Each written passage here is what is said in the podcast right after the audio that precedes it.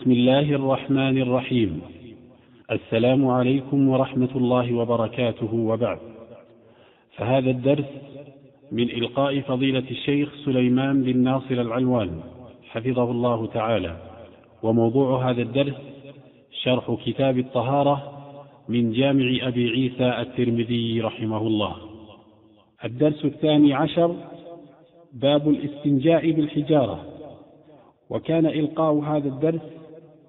في اليوم التاسع عشر من شهر رجب من عام 1421 الحمد لله رب العالمين وصلى الله وسلم وبارك على عبده ورسوله نبينا محمد وعلى آله وصحبه أجمعين قال الإمام الحافظ أبو عيسى الترمذي رحمه الله تعالى في سننه باب الاستنجاء بالحجارة حدثنا هناد قال حدثنا أبو معاوية عن الأعمش عن ابن إبراهيم عن عبد الرحمن بن يزيد قال قيل لسلمان قد علمكم نبيكم كل شيء حتى القراءة فقال سلمان أجل نهانا أن نستقبل القبلة بغائط أو ببول أو أن نستنجي باليمين أو أن يستنجي أحدنا بأقل من ثلاثة أحجار أو أن نستنجي برجيع أو بعظم وفي الباب عن عائشة وخزيمة بن ثابت وجابر وخلاد بن السائب عن أبيه قال أبو عيسى حديث سلمان حديث حسن صحيح وهو قول أكثر أهل العلم من أصحاب النبي صلى الله عليه وسلم ومن بعدهم رأوا أن الاستنجاء بالحجارة يجزئ وإن لم يستنج بالماء إذا أنقى أثر الغائط والبول وبه يقول الثوري وابن المبارك والشافعي وأحمد وإسحاق بسم الله الرحمن الرحيم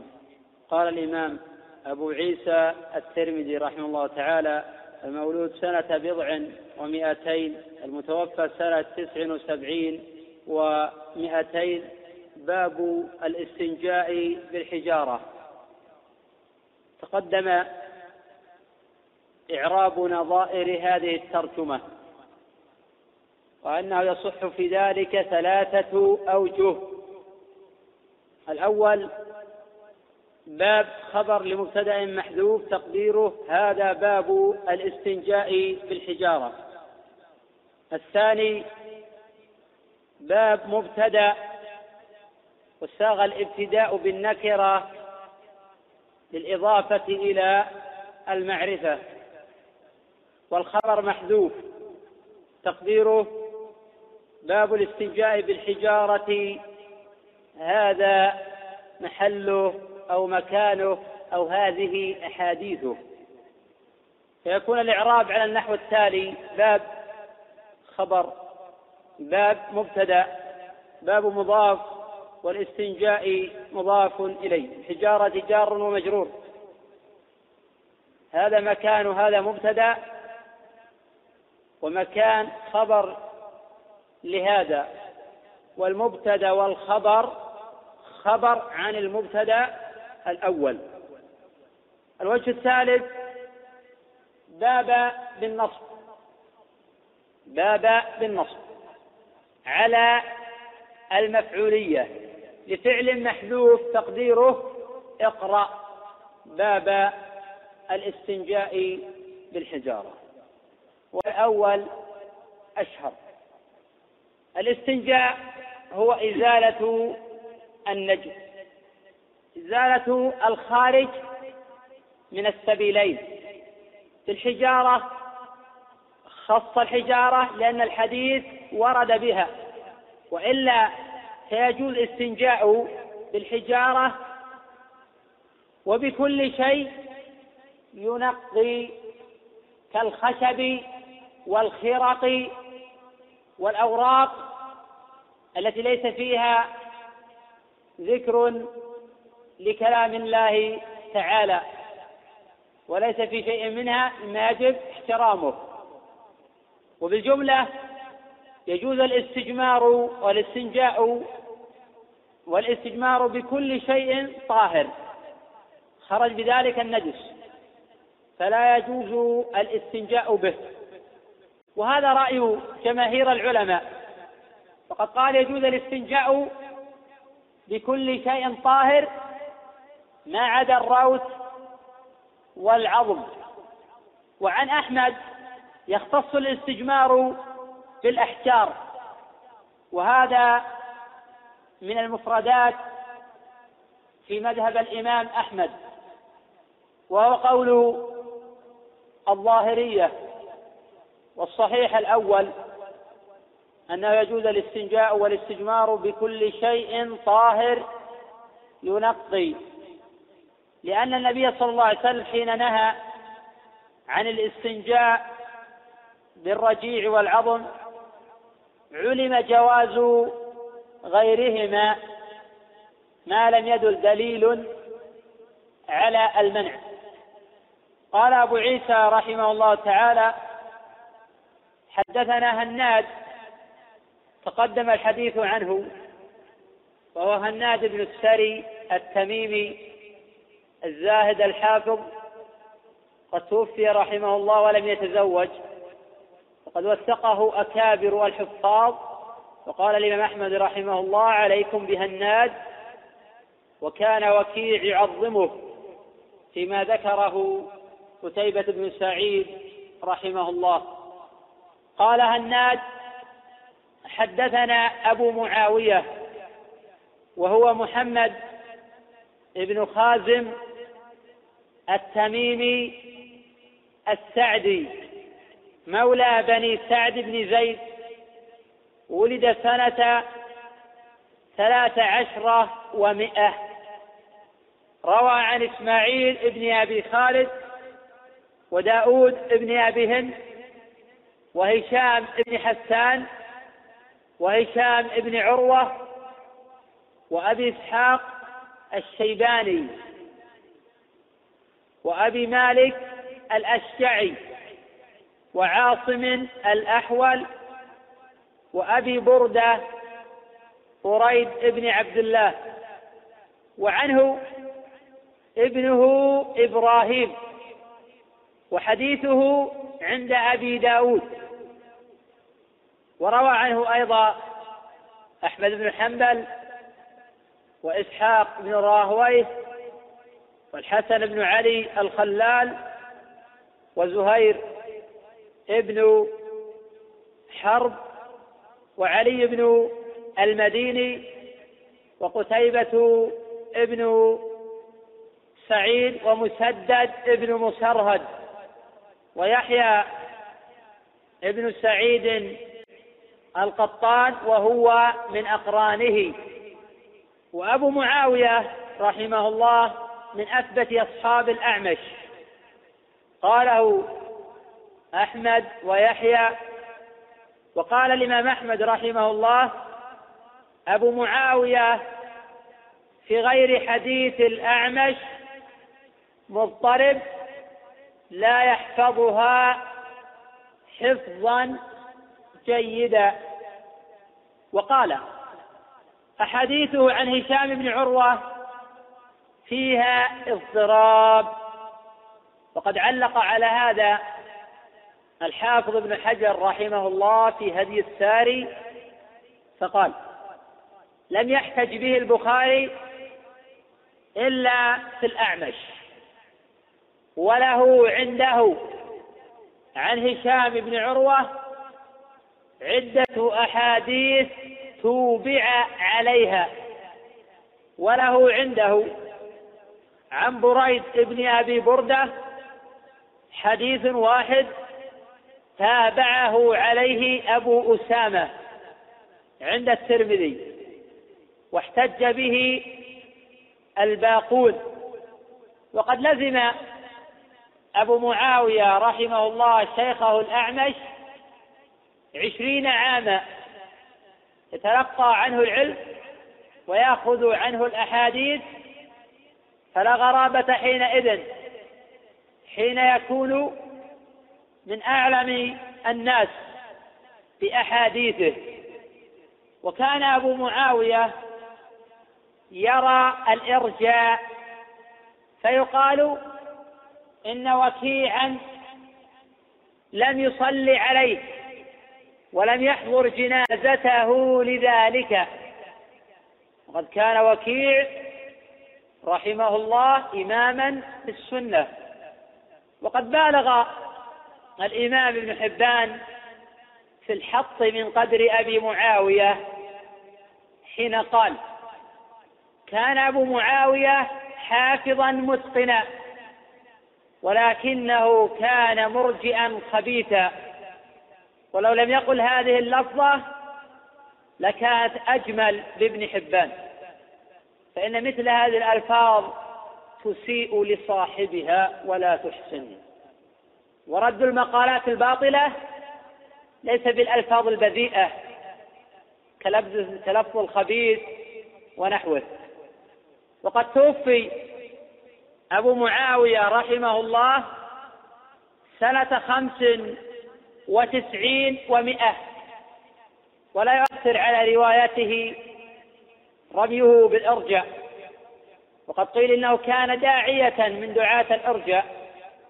ولم يعرض عن حديثه الأئمة فحديثه في المسند والصحيحين في روايته عن الأعمش وفي السنن وغيرها نظيره شباب بن سوار حديثه في الكتب كلها وكان من أعظم الدعاة لمذهب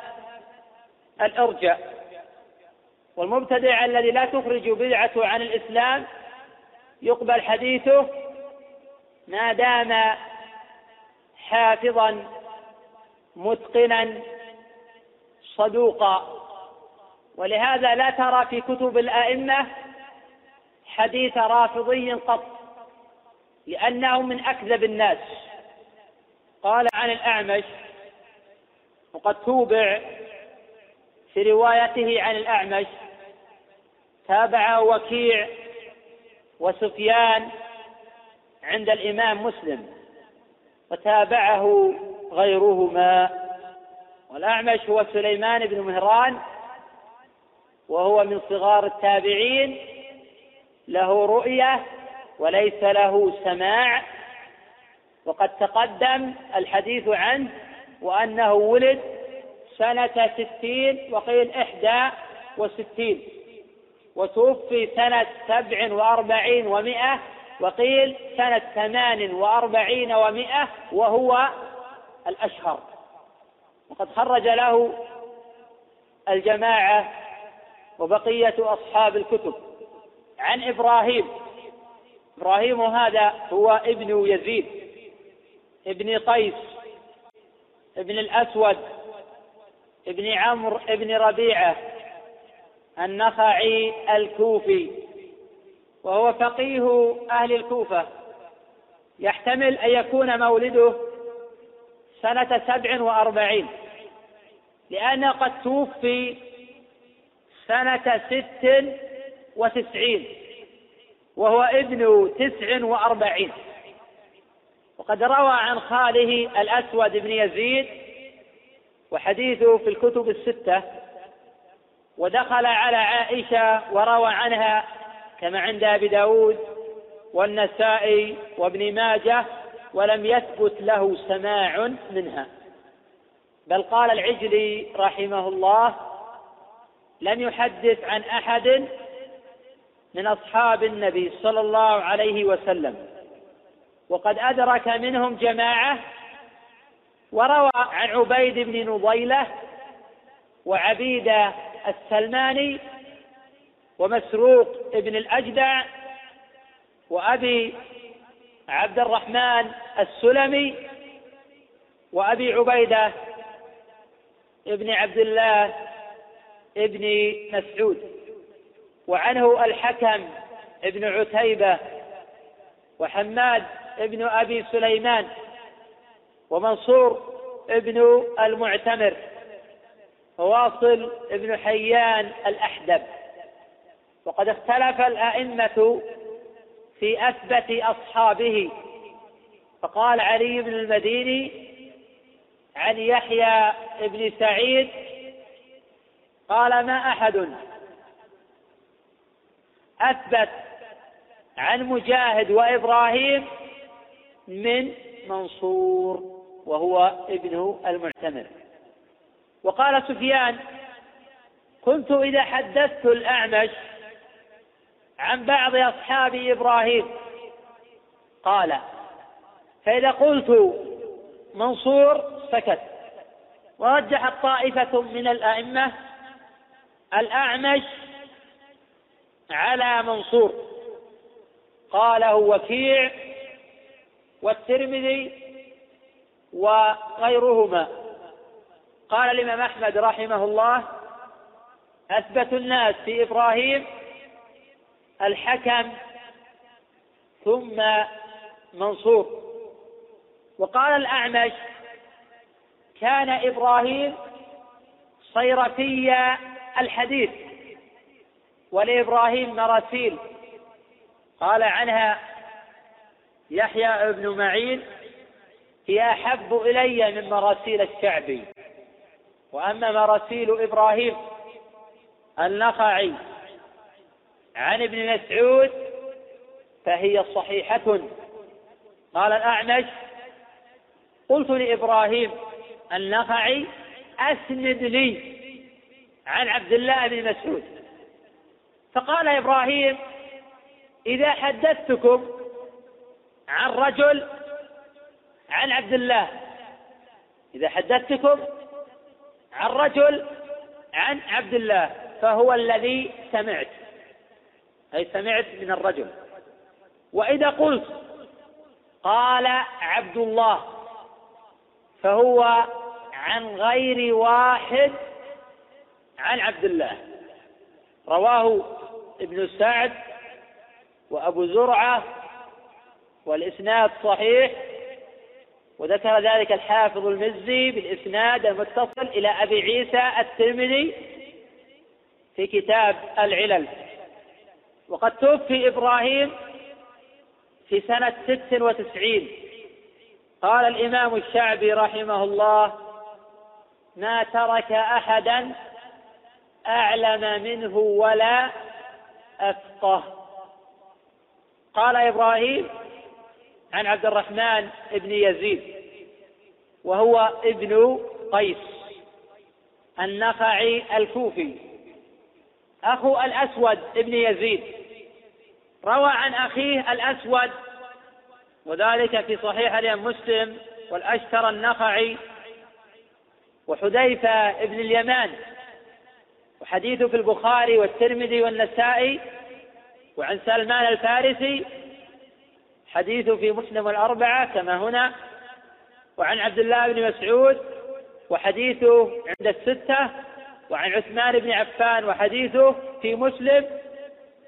وعن أبي مسعود الأنصاري البدري وحديثه في مسلم والأربعة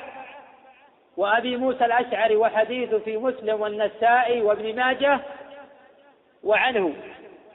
إبراهيم بن سويد النخعي والشعبي وسلمة ابن كهيل ومنصور بن المعتمر وأبو إسحاق السبيعي قال الإمام ابن معين وابن سعد ثقة وتوثيقه محل اتفاق من الأئمة وقد توفي سنة ثلاث وسبعين قاله يحيى ابن بكير وقيل سنة ثلاث وثمانين قاله ابن حبان في ثقاته وقد خرج له الجماعة قال قيل لسلمان سلمان هو الفارسي سلمان هو الفارسي وهو ابن الإسلام سلمان ابن الإسلام أبو عبد الله الفارسي سابق الفرس إلى الإسلام صحب النبي صلى الله عليه وسلم وخدمه وحدث عنه وقد خرج له الترمذي في جامعه ستة أحاديث وكان من عقلاء الرجال وعبادهم وفقهائهم ومناقبه أكثر من أن تحصر في هذا أو في مثل هذا المقام وقد روي عن النبي صلى الله عليه وسلم أنه قال سلمان منا أهل البيت وهذا رواه ابن سعد والحاكم من طريق ابن أبي فديك عن كثير بن عبد الله عن أبيه عن جده وإسناده ضعيف ورد في الحديث الجنة تشتاق إلى ثلاثة علي وعمار وسلمان رواه الترمذي وفيه غرابة وعلي بن أبي طالب رضي الله عنه من المقطوع له أنه من أهل الجنة والأحاديث في ذلك متواترة وبلال من أهل الجنة وحديثه في الصحيحين وسلمان كذلك وقد جزم أبو محمد بن حزم وسبقه إلى ذلك محمد بن كعب القرظي أن الصحابة كلهم في الجنة وهذا ظاهر قول الله جل وعلا في سورة الحديث لا يستوي منكم من أنفق من قبل الفتح وقاتل أولئك أعظم درجة من الذين أنفقوا من بعد وقاتلوا وكلا وعد الله الحسنى أي الجنة وقد توفي سلمان سنة ست وثلاثين وقيل توفي سنة ثلاث وثلاثين بالمدائن قال العباس بن يزيد يقول أهل العلم عاش سلمان ثلاثمائة وخمسين فأما مئتان وخمسون فلا يشكون فيه وقال النووي في المجموع اتفقوا على أنه عاش مئتين وخمسين سنة واختلفوا في الزيادة وفي هذا الاتفاق نظر وقد استغرب ذلك الحافظ الذهبي في سير أعلام النبلاء وقال قد فتشت فما ظفرت في سنه بشيء سوى قول العباس بن يزيد وذلك منقطع لا إسناد له فلعله عاش بضعا وسبعين سنة وما أراه بلغ المئة فمن كان عنده علم فليفدنا وقد ذكرت والكلام للحافظ الذهبي في تاريخ الكبير أنه عاش مئتين وخمسين وأنا الساعة لا أرتضي ذلك ولا أصححه قوله قيل لسلمان القائل هم المشركون جاء هذا في رواية الإمام مسلم وعند ابن ماجه قال بعض المشركين وهم يستهزئون ولم يمتنع سلمان الفارسي أن يجيبهم إلى ذلك فإن كانت هذه اللحظة اللفظة وهم يستهزئون محفوظة فالأمر كذلك وإلا فالذي يبدو لي أنهم قالوا ذلك متعجبين حيث كان نبيهم صلى الله عليه وسلم يعلمهم كل شيء ولهذا أجابهم سلمان في أجل أجل بفتح الهمزة والجيم وسكون اللام وهو جواب مثل نعم وسيأتي قال الأخفش هو أحسن من نعم في التصديق ونعم أحسن منه في الاستفهام قوله قد علمكم نبيكم كل شيء حتى القراءة النسخ المحفوظة ليس في شيء منها ذكر الصلاة على النبي صلى الله عليه وسلم في هذا الموطن لأن الخطاب لليهودي قوله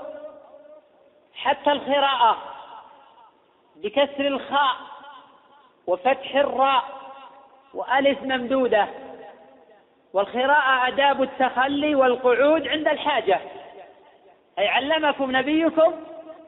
الصغير الكبير والصغير حتى آداب التخلي والقعود عند الحاجة مما يغفل عن بيانه الحزاق والعقلاء والمعلمون ولكن هذا نبي مرسل وهذه علامة على صدقه ونصح لأمته إن هو إلا وحي يوحى فلم يغادر صغيرة ولا كبيرة إلا وأعلمنا ذلك وما من شيء يقرب إلى الجنة إلا وبينه لنا وما من شيء يقرب إلى النار إلا وقد حذرنا منه صلى الله عليه وسلم والأمر كما قال أبو ذر ما طائر يقلب جناحيه في الهواء إلا وذكر لنا منه رسول الله صلى الله عليه وسلم علما رواه الإمام أحمد وأورده ابن حبان في صحيحه وفي البخاري عن عمر قال قام فينا رسول الله صلى الله عليه وسلم مقام فذكر بدء الخلق حتى دخل اهل الجنه منازلهم واهل النار منازلهم حفظ ذلك من حفظه ونسيه من نسيه وفي الباب عن عبد الله بن عمرو بن العاص رواه مسلم رحمه الله في صحيحه فقال سلمان أجل هذا جواب لقول المشركين أو بعض المشركين على رواية ابن ماجه قد علمكم نبيكم كل شيء قال سلمان أجل أي نعم وقد تقدم قول الأخفش أن أجل أحسن من نعم في التصديق ونعم أحسن من أجل في الاستفهام وهذا يفيد أن سلمان قالها مصدقا لكلامهم وأنهم قالوا ذلك متعجبين زاد سلمان مبينا عمق هذه الشريعة وتعاليم النبي صلى الله عليه وسلم السامية قال أجل نهانا أي مبينا بعض آداب التخلي والقعود عند الحاجة قال نهانا أن نستقبل القبلة بغائط أو ببول الأصل في النهي أن يكون للتحريم وهذا الراجح من أقاويل الأصوليين وهو ظاهر القرآن والسنة وقد تقدم الحديث عن ذلك ولا يصح الخروج عن الأصل إلا بدليل والقول بأن أحكام الاداب خارج عن هذا الأصل في نظر وقد سبق تقريره مرارا على أن القائلين بذلك لا يطردون ذلك في كل مسألة قالوا ببعض المسائل دون نظائرها الفقيه هو الذي يجمع بين النظائر ولا يفرق بين المتماثلات قوله أن نستقبل القبلة بغائط أو ببول وظاهر النهي أنه عام في الفضاء والبنيان وهو مذهب أبي أيوب الأنصاري وهو المشهور من مذهب أبي حنيفة ورواية عن الإمام أحمد وقد سبق ذكر أدلتهم مفصلة والقول الثاني في المسألة أنه يجوز استقبال القبلة واستدبارها مطلقا في الفضاء والبنيان وهذا المذهب منسوب لعائشة رضي الله عنها وداود ورواية عن الإمام أحمد المذهب الثالث التفريق بين الفضاء والبنيان فيجوز الاستقبال والاستدبار في البنيان ويحرم في الفضاء وهذا ظاهر المنقول عن ابن عمر واليه ذهب الامام الشافعي واحمد في احدى الروايات عنه وهو المشهور من مذاهب اكثر اهل العلم وقال به البخاري رحمه الله في صحيحه وقد تقدم أن هذا القول أقرب إلى الصواب من غيره لحديث ابن عمر في الصحيحين ولحديث جابر عند الترمذي وتقدم الحديث عنه قوله أو أن نستنجي باليمين تقدم قبل هذا الباب الحديث عن حكم الاستنجاء باليمين وأن الجمهور قالوا بكراهية ذلك والكراهة عندهم كراهة تنزيه وقالت الظاهرية النهي للتحريم بصراحة الأدلة في الباب غير أنهم بالغوا قالوا ولا يجزي من استنجى بيمينه وفي نظر والصحيح القول بالتحريم مع الإجزاء وهو قول في مذهب الحنابلة وطوائف من فقهاء الشافعية والأصل أن النهي للتحريم كما سبق فلا يصح الخروج عن ذلك إلا بدليل ودعوى أن هذا أدب من الآداب يرد عليهم لأنهم يقولون بتحريم استقبال القبلة واستدبارها في الفضاء وهو أدب من الآداب وطوائف منهم يقولون بتحريم الأكل في الشمال وهو أدب من الآداب ويقولون بتحريم الشرب قائما بدون عذر وهو أدب من الآداب فلا بد من الانضباط في القواعد الأصولية والتمشي مع ذلك دون التفريق بين المسائل المتماثلة بدون دليل قوله أو أن يستنجي أحدنا بأقل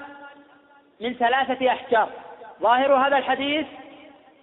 تحريم الاستنجاء بأقل من ثلاثة أحجار ولو أنقت فلو استنجى بحجر فأنقى يجب عليه أن يضيف ثانيا وثالثا وهذا ظاهر هذا الخبر وقد جاء في رواية ابن نمير عن الأعمش ولا يكفي أحدكم دون ثلاثة أحجار هذه الرواية وقعت في الأوسط لابن المنذر ولعل هذه الرواية جاءت بالمعنى وقد احتج بذلك ابن المنذر في الأوسط أن الاستنجاء بأقل من ثلاثة أحجار غير مجزي وهذا مذهب أحمد بن حنبل وابن حزم وقال الشافعي بوجوب ثلاث مسحات وهو مخير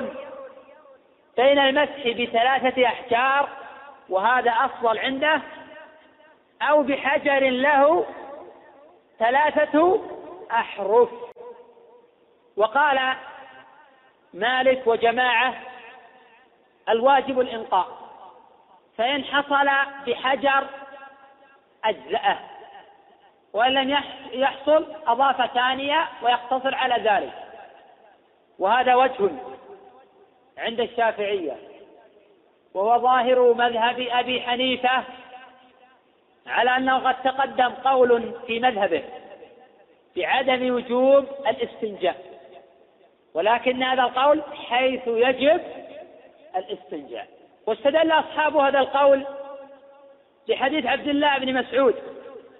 قال خرج النبي صلى الله عليه وسلم بحاجته فقال التمس لي ثلاثة أحجار قال فأتيت بحجرين وروثة فأخذ الحجرين وألقى الروثة وقال إنها ركش قالوا إن النبي صلى الله عليه وسلم اقتصر على الحجرين وهذا الحديث رواه البخاري وهو في الباب الذي يلي هذا في جامع أبي عيسى وفي الاستدلال بهذا الحديث نظر لأنه ليس في الحديث لفظ صريح أنه اقتصر على الحجرين وفي رواية ائتني بغيرها وهذه الرواية الشاذة كما سيأتي توضيحها إن شاء الله تعالى في الدرس القادم ولا يمكن الاحتجاج بهذا الحديث على جواز الاقتصار على حجرين لأمرين الأمر الأول لعله لم يجد حجرا ثالثا هذا يحمل على العذر الأمر الثاني أنه ليس في الحديث دلالة على الاقتصار على الحجرين وكونه ما طلب من ابن مسعود لا يدل على ذلك فقد يستعمل أحد الحجرين على حرفين الصحيح في المسألة وجوب الاستنجاء بثلاثة أحجار ولا يجوز الاقتصار على حجرين أو حجر ولو أنقى ولو اقتصر على حجر أو على حجرين إذا أنقت جاز أو أجزأت مع الإثم فلا نقول بعدم الإجزاء كما تقول طوائف ولا نقول بعدم الوجوب كما تقول طوائف أخرى فلنقول يجب الاستنجاء بثلاثة أحجار ولا يجب الاقتصار على أقل من ذلك فإن فعل أجزى وهذا اختيار شيخ الإسلام ابن تيمية رحمه الله ولا يجوز الاستنجاء بأحجار النجسة لأن الاستنجاء بالنجس محرم عند الجمهور وجوزه أبو حنيفة رحمه الله بالروث وسوف نشير إلى ذلك في قوله أو أن نستنجي برجيع أو عظم وقد جاء في صحيح الإمام مسلم من حديث ابن مسعود فلا تستنجوا بهما أي الرجيع والعظم فإنهما طعام إخوانكم أي من الجن ذكره مسلم في صحيحه تحت باب الجهر بالقراءة في الصبح والقراءة على الجن والرجيع هو الروث والعذرة ورجيع مأكول اللحم طاهر في أصح قولي العلماء وهو قول جماعة من أكابر المحققين وهو رواية عن الإمام أحمد وهو اختيار شيخ الإسلام ابن تيمية وابن القيم رحمهم الله تعالى والاستنجاء بالرجيع والعظم العظم محرم وهل يجزي أم لا يجزي قولان للعلماء القول الأول أنه محرم ولا يجزي وهذا مذهب أحمد والظاهرية لحديث رواه الدار قطني وابن عدي من طريق يعقوب بن كاسب قال حدثنا سلمة بن رجاء عن الحسن بن الفرات عن أبيه عن أبي حازم عن أبي هريرة أن النبي صلى الله عليه وسلم نهى أن نستنجي بروث أو عظم وقال إنهما لا يطهران وقد صححه الدار قطني وهو نص صريح في المسألة غير أن الخبر في صحته نظر وقد خولف الإمام الدار قطني رحمه الله في تصحيحه والخبر على الصحيح ضعيف القول الثاني أن الاستنجاء بهما محرم ويجزي وهذا مذهب مالك وابي حنيفه حيث القول عنه بوجوب الاستنجاء وهذا اختيار شيخ الاسلام ابن تيميه رحمه الله لانه لا تلازم بين التحريم وبين الفساد فقد يصح الشيء بفعل محرم ولا سيما أن العظم ليس بنجس والروث قد يكون روث مأكول اللحم وهو طاهر على الصحيح فالعلة حينئذ في النهي عن الروث والعظم ليست هي النجاسة كما يقوله فقهاء الشافعية إن روث ما يؤكل لحمه طاهر والخلاف مشهور في روث ما لا يؤكل لحمه وقد تقدم أن الاستنجاء بالنجس محرم ولكن ينبغي أن نتأكد من النجاسة ومن الحكم على الشيء بالنجاسة فإن طوائف من الفقهاء يحكمون على كثير من الأعيان بالنجاسة بدون دليل والقاعدة الفقهية تقول الأصل في الأعيان الطهارة حتى يثبت دليل بالنجاسة فلا نخرج عن هذه القاعدة إلا بدليل فهو الذي يستوقفنا عن القول بالطهارة وما عداه فالعين باقية على أصلها قال أبو عيسى رحمه الله وفي الباب عن عائشة وحديث عائشة رواه أبو داود وغيره من طريق أبي حازم عن مسلم ابن قرط عن عروة عن عائشة قال وخزيمة أي أيوة وفي الباب عن خزيمة حديث خزيمة رواه أبو داود وأحمد وابن ماجه من طرق عن هشام بن عروة عن أبي خزيمة عن عمارة بن خزيمة عن خزيمة بن ثابت وفيه جهالة قوله وجابر أي وفي الباب عن جابر حديث جابر رواه أحمد من طريق عيسى ابن يونس عن الأعمش عن أبي سفيان عن جابر ابن عبد الله عن النبي صلى الله عليه وسلم وفي الباب عن خلاد بن السائب عن أبيه رواه الطبراني من طريق حماد بن الجعد قال حدثنا قتادة عن خلاد وفي إسناده حماد بن الجعد وهو متفق على ضعفه ولكن جاء من طريق غيره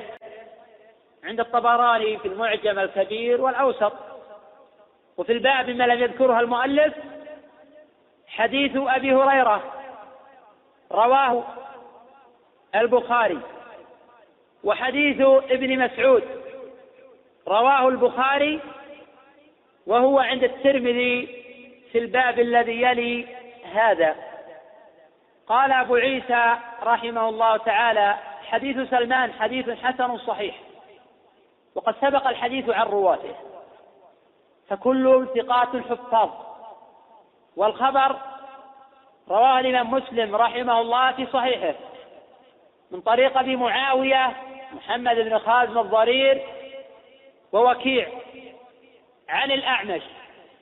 ورواه أيضا من طريق سفيان عن الأعمش ورواه أحمد والنسائي وأبو داود وابن ماجة وابن الجاروس المنتقى وابن خزيمة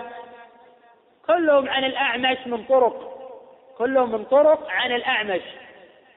فالحديث لا نزاع في صحته ولا كلام في أحد من رواته قال أبو عيسى رحمه الله وهو قول أكثر أهل العلم من أصحاب النبي صلى الله عليه وسلم ومن بعدهم رأوا أن الاستنجاء بالحجارة يجزي كأنه يشير إلى قول من قال إن الاقتصار على الحجارة دون الماء لا يجزئ فبين أبو عيسى رحمه الله أن الاقتصار على الأحجار إذا أنقت أثر البول والغائط أنها مجزئة بدلالة حديث الباب وأحاديث أخرى متواترة قال أبو عيسى وإن لم يستنجي بالماء إذا أنقى أثر الغائط والبول مفهوم هذا أن الاقتصار على الحجارة إذا لم تنقي أثر الغائط أو البول لا يجوز ولا سيما إذا عادت موضع أو الخارج إذا عاد الخارج موضع العادة فلا بد من إضافة الماء ويعفى عن اليسير في ذلك قال أبو عيسى وبه يقول الثوري وابن المبارك والشافعي وأحمد وإسحاق فالمؤلف رحمه الله أو أبو عيسى رحمه الله بدأ بأقاويل أهل العلم وكان الأولى به أن يبدأ بأقاويل الصحابة ثم التابعين ثم ينتقل بعد ذلك إلى ذكر أقاويل الأئمة المشهورين كما هي طريقة الإمام ابن المنذر رحمه الله في الأوسط فإنه بدأ بذكر الصحابة ثم التابعين ثم أقاويل الأئمة المشهورين وعذر أبي عيسى رحمه الله أن أكثر أهل العلم يقتصرون على أقاويل الأئمة المشهورين لأنهم يبنون الحكم عن اطلاع على أقاويل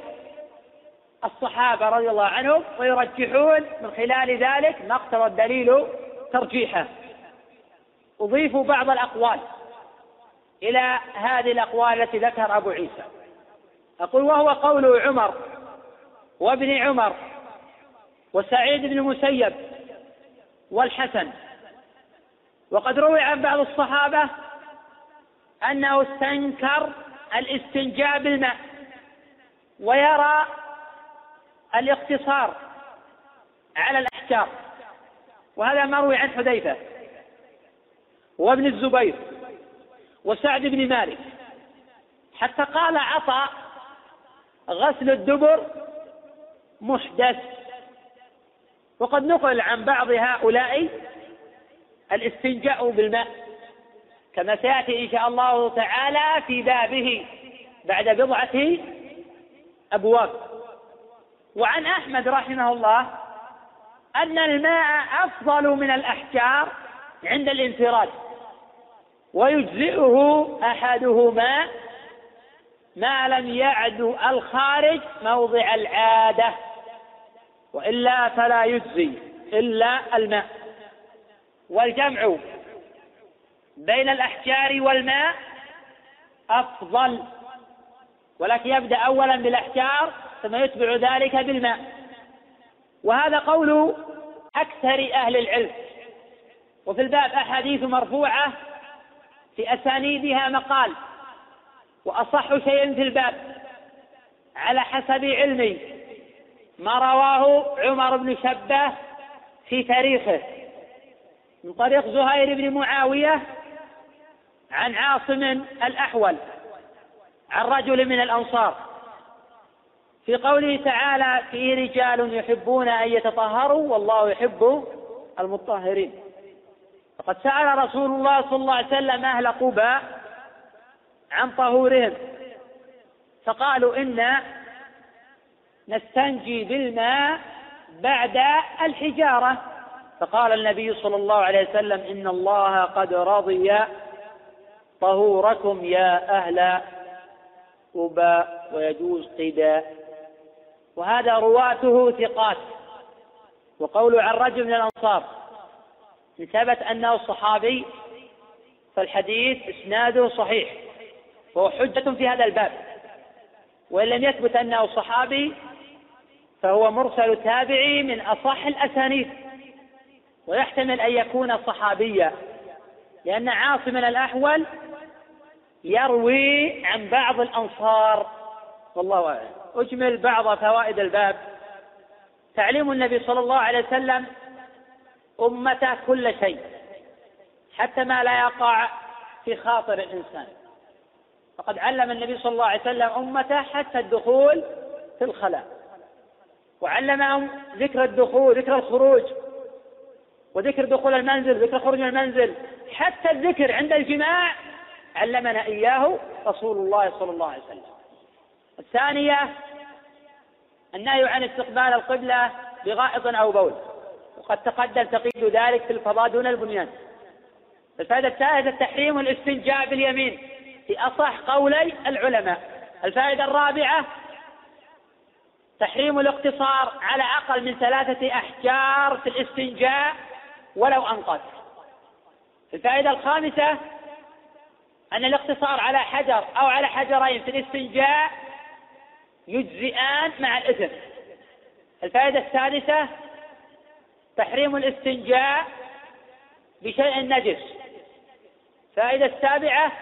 تحريم الاستنجاء بعظم أو روث وإن كانا طاهرين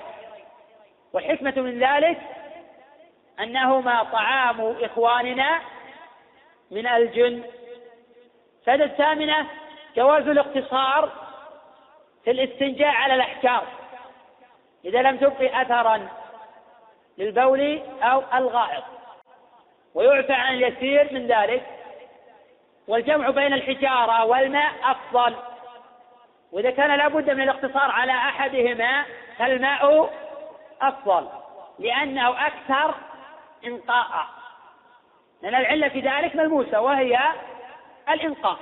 وإنقاء الماء أقوى من إنقاء الحجارة والله أعلم بالنسبة للزيادة على الأحجار يجوز يأتي إن شاء الله الحديث عن هذه القضية آه، إذا لم تنقي ثلاثة أحجار إذا لم تنقي ثلاثة أحجار فيجب عليه أن يضيف رابعة فإذا أنقت الأربعة يستحب أن يضيف خامسة ليقطع على وتر لما في الصحيحين من حديث أبي هريرة أن النبي صلى الله عليه وسلم قال من استجمر فليوتر وهذا على وجه الاستحباب فإذا لم تنقل أربعة يجب عليه أن يضيف خامسة إن أنقت يقتصر على ذلك ما أنقت يضيف سادسة فإذا أنقت الستة يستحب له أن يضيف سابعة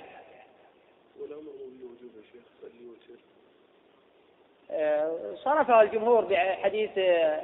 الحديث المورد عند ابي داود من فعل فقد احسن من لا فلا حرج وهذا حديث ضعيف كما سبق تقريره وبعض العلماء صرف قال بالاجماع وبعض العلماء صرف باحاديث اخرى كمفهوم حديث سلمان وغيره من الاحاديث انه بعد الثلاثه لا يجب الا الانقاء ولا يجب الاقتصار على الافراد وبعض العلماء صرف بحديث ان الله وتر يحب الوتر قالوا هذا دليل على عدم الوجوب إلا ما جاء النص المؤكد في عينه نعم آه الإمام أبو معاوية محمد بن خازم الضرير عن الأعمش ثقة وعن غير الأعمش قال أحمد وجماعة مضطرب ولا يعني هذا تضعيفه مطلقا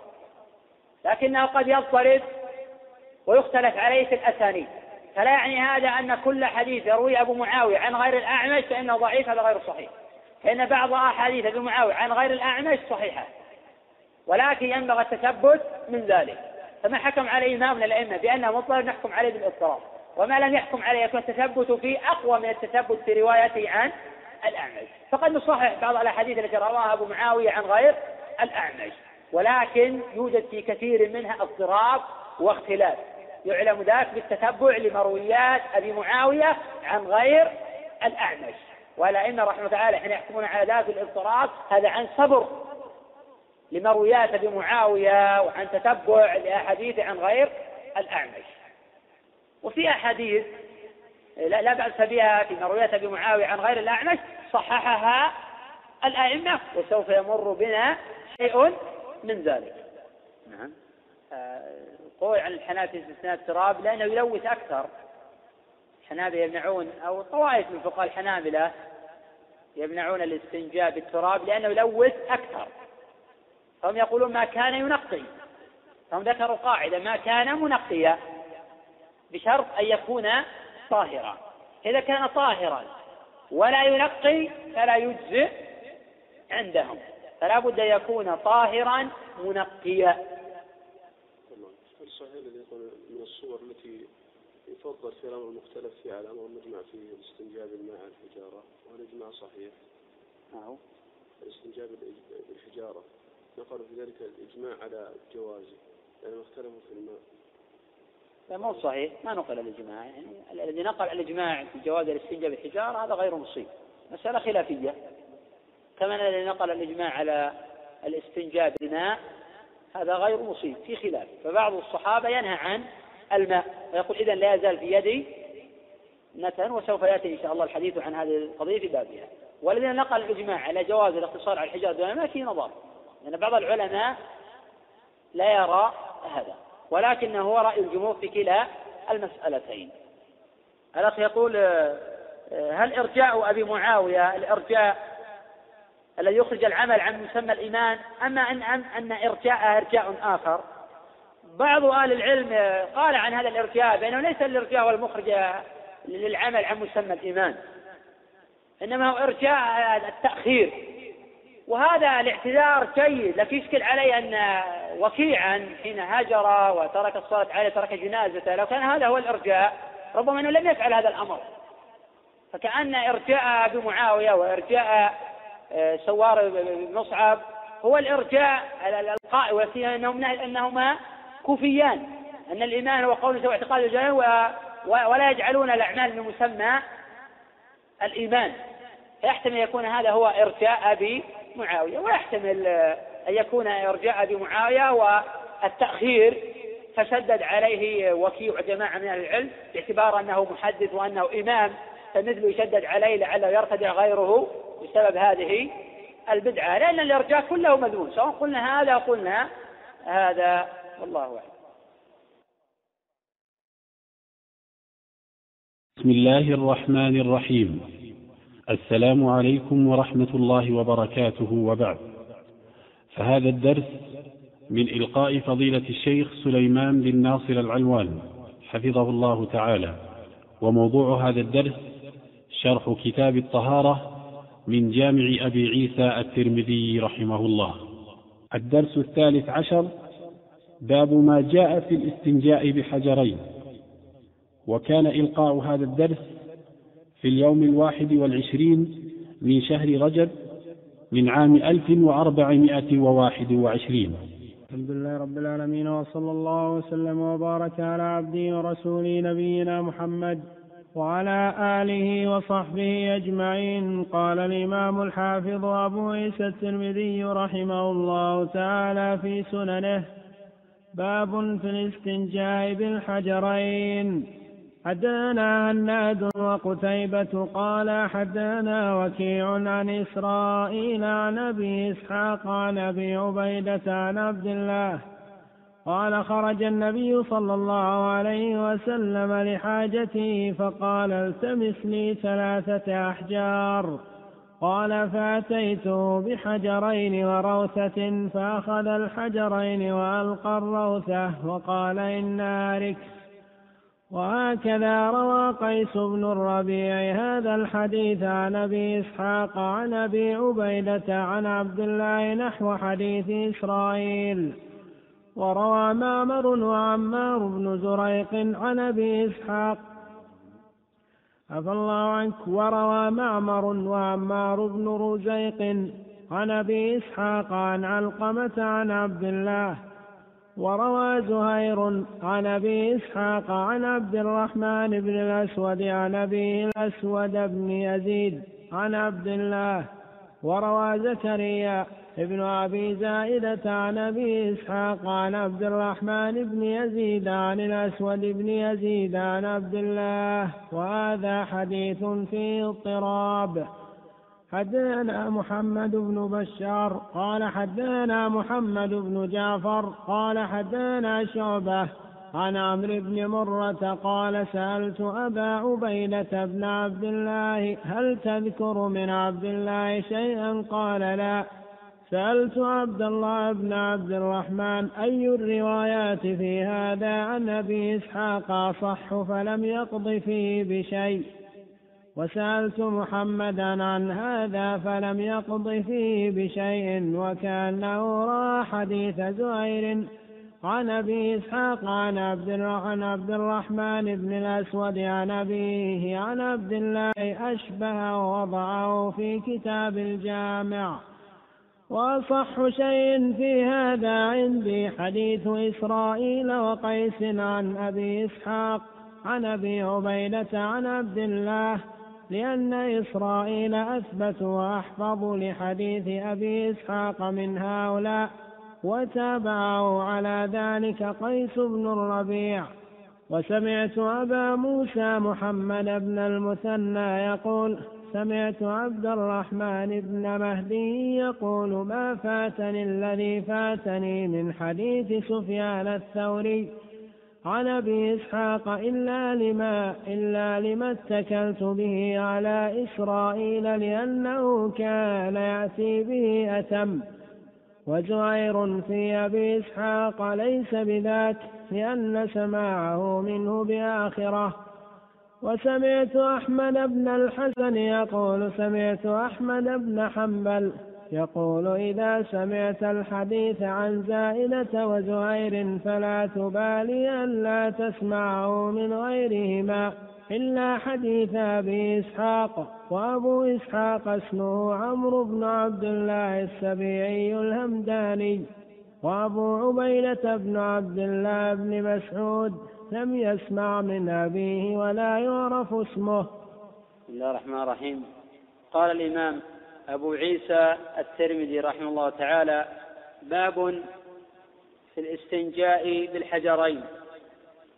باب خبر لمبتدا محذوف تقديره هذا باب في الاستنجاء بالحجرين الاستنجاء والاستطابه بمعنى واحد وبمعناهما الاستجمار فيقال استنجى واستطاب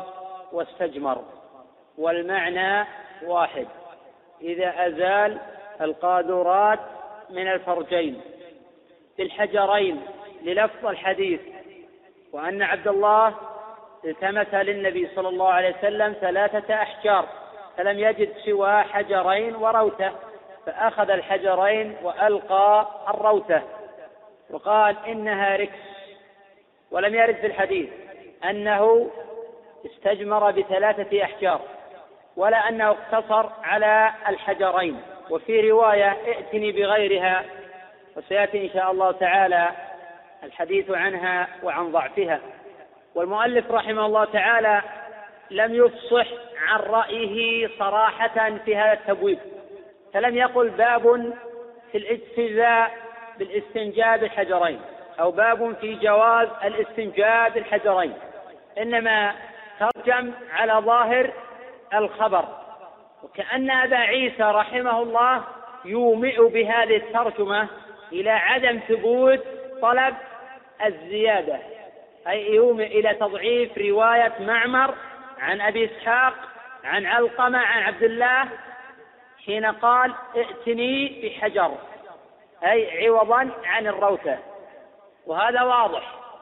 لأنه يعلم من كلام أبي عيسى أنه يضاعف الحديث جملة ويعله بالاضطراب فهو ترجم على ظاهر الخبر ثم بين رأيه فيما بعد ويمكن أن يقال إن الترمذي رحمه الله أشار إلى مذهب مالك وأبي حنيفة ومن تابعهما على القول بجواز الاستنجاء في الحجرين والحجر بشرط الإنقاء فقد ذهب الإمام الشافعي وأحمد وأكثر أهل العلم إلى وجوب الاستنجاء بثلاثة أحجار لما جاء في صحيح الإمام مسلم وقد تقدم قبل هذا الباب من طريق أبي معاوية وعند مسلم ووكيع عن الأعمش عن إبراهيم عن عبد الرحمن بن يزيد حين قال المشركون لسلمان الفارسي قد علمكم نبيكم كل شيء حتى القراءة فقال سلمان رضي الله عنه أجل نهانا أن نستقبل القبلة بغائط أو بول أو أن نستنجي باليمين أو أن يستنجي أحدنا بأقل من ثلاثة أحجار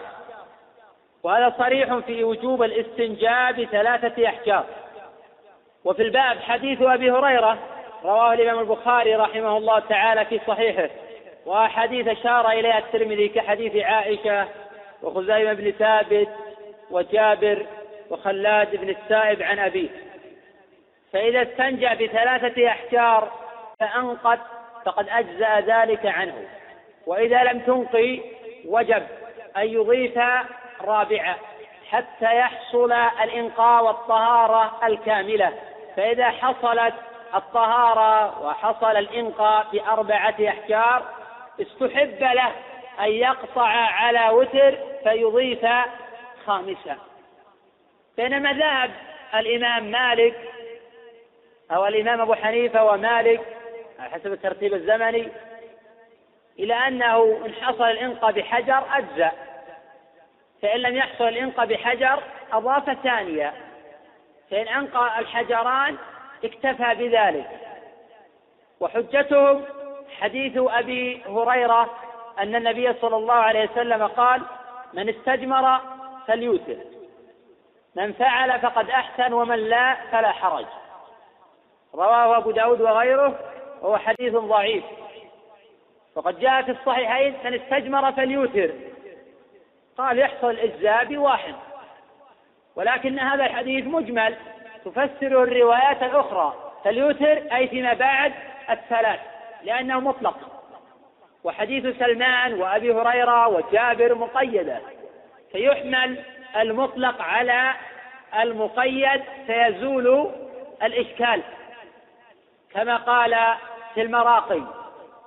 وحمل مطلق على ذاك وجب إن فيهما اتحد حكم والسبب واحتج أبو حنيفة ومالك أيضا كما احتج لهما الطحاوي رحمه الله في شرح معاني الآثار في حديث ابن مسعود في هذا الباب وسيأتي إن شاء الله إعادة بعض هذا الكلام في موطنه قال الإمام أبو عيسى رحمه الله تعالى حدثنا هناد وقتيبة وهما ثقتان وقد تقدم الحديث عنهما مرارا قال حدثنا وكيع ثقة ثبت وقد تقدم الحديث عنه وأنه ولد سنة سبع وعشرين أو ثمان وعشرين أو تسع وعشرين ومئة وتوفي سنة سبع وتسعين ومئة عن إسرائيل وهو ابن يونس وقد سبق الحديث عنه وقد ولد سنة مئة وتوفي سنة ستين ومئة وقيل سنة إحدى وستين وقيل سنة اثنتين وستين ومئة قال إسرائيل كنت أحفظ حديث أبي إسحاق كما أحفظ السورة من القرآن وكان الإمام أحمد رحمه الله يعجب من حفظه غير أنه قال في رواية ابنه صالح إسرائيل عن أبي إسحاق فيه لين سمع منه بآخرة لأنه قيل إن أبا إسحاق تغير حفظه في آخر عمره فمن سمع منه قديما وهو ثقة فهو ذاك ومن سمع منه بعد التغير فهو أقل مرتبة ممن سمع منه قبل التغير وأهل العلم رحمهم الله تعالى لا يضاعفون مرويات من سمع منه بعد التغير ولكن حين التعارض يقدم من سمع منه قبل التغير على من سمع منه بعد التغير لأن تغير أبي إسحاق ليس اختلاطا كليا حيث أنه لا يميز وإنما تغير حفظه عما كان عليه من قبل فهو من كبار الحفاظ والأئمة وإسرائيل هنا روى الحديث عن أبي إسحاق أبو إسحاق اسمه عمرو بن عبد الله بن عبيد الهمداني الكوفي وقد ولد لسنتين بقيتا من خلافة عثمان وقد روى عن البراء بن عازب وأنس بن مالك ولم يسمع منه وجابر بن سمرة والأغر أبي مسلم والأسود بن يزيد النخعي وسعيد بن جبير وعبد الرحمن بن يزيد النخعي وعبد الجبار بن وائل بن حجر وعبد الرحمن بن أبزة ونافع مولى ابن عمر وآخرين من الحفاظ وعنه أبان ابن تغلب وأشعث ابن سوار وشعبة وسفيانان الثوري وابن عيينة وقتادة ومالك ابن مغول قال الإمام أحمد رحمه الله تعالى أبو إسحاق ثقة وقال أبو حاتم ثقة وهو أحفظ من أبي إسحاق الشيباني ويشبه الزهري في كثرة الرواية واتساعه في الرجال وقد ذكره الحافظ ابن حجر في المرتبة الثالثة من مراتب المدلسين وذلك في كتابه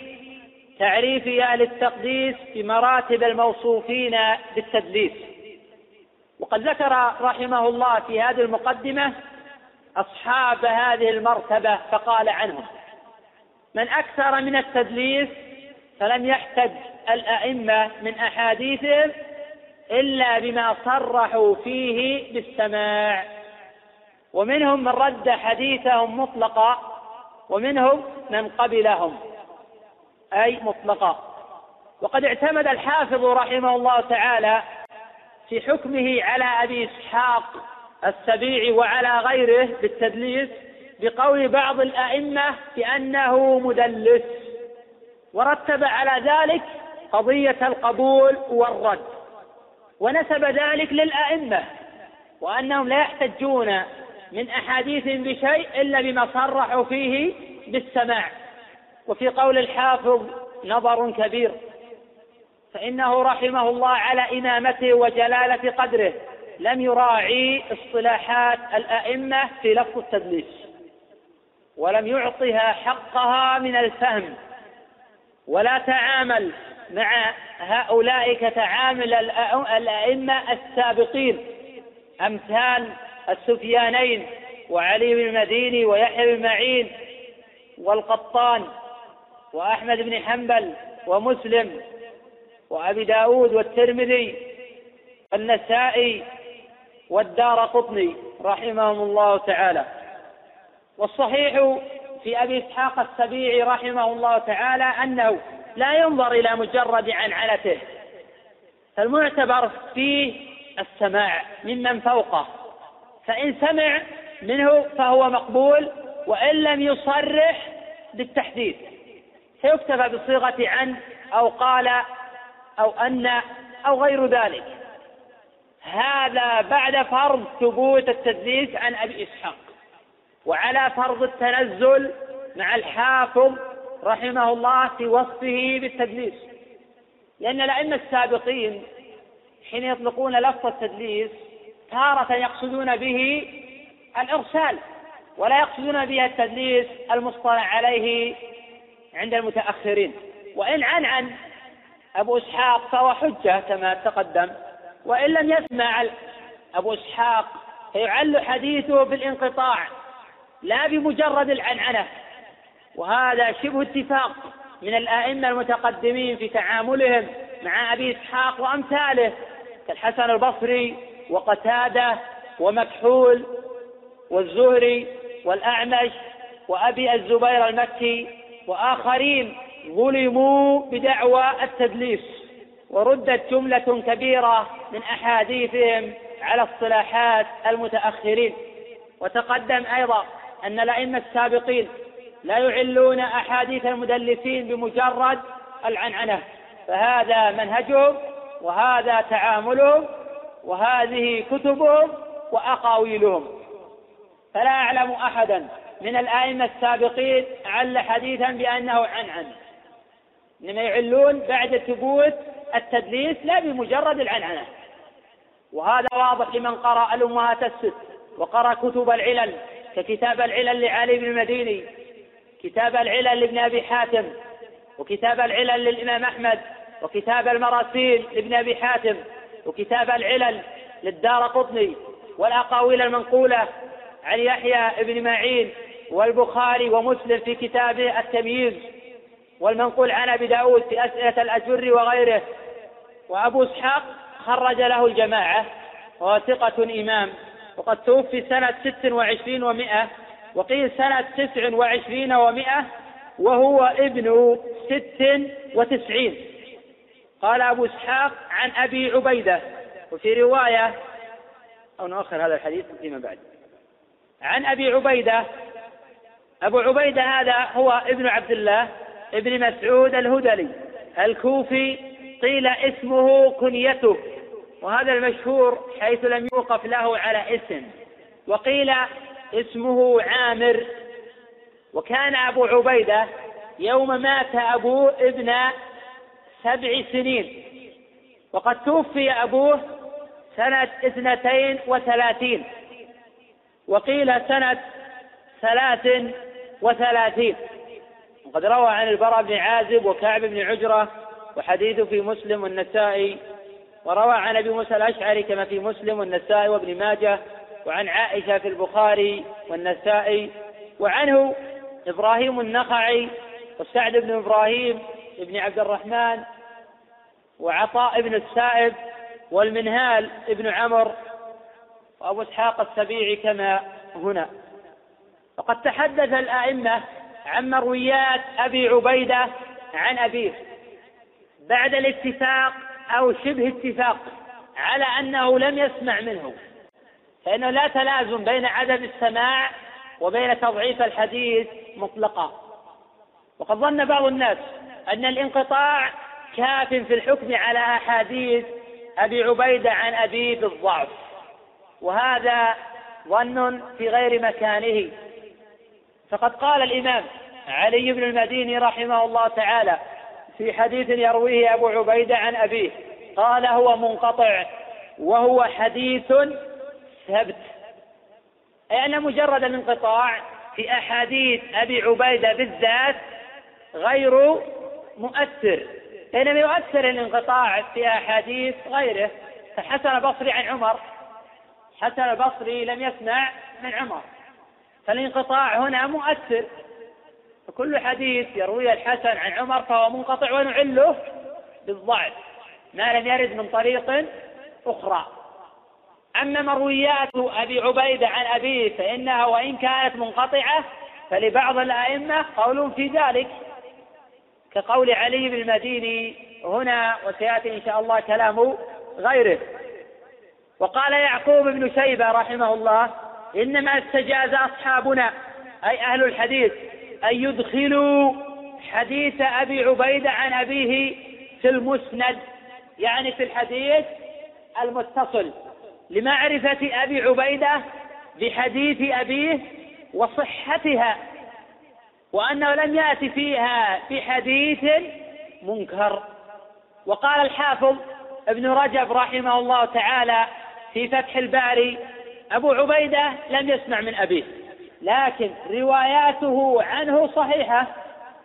وقال في موضع آخر في المجلد السابع من فتح الباري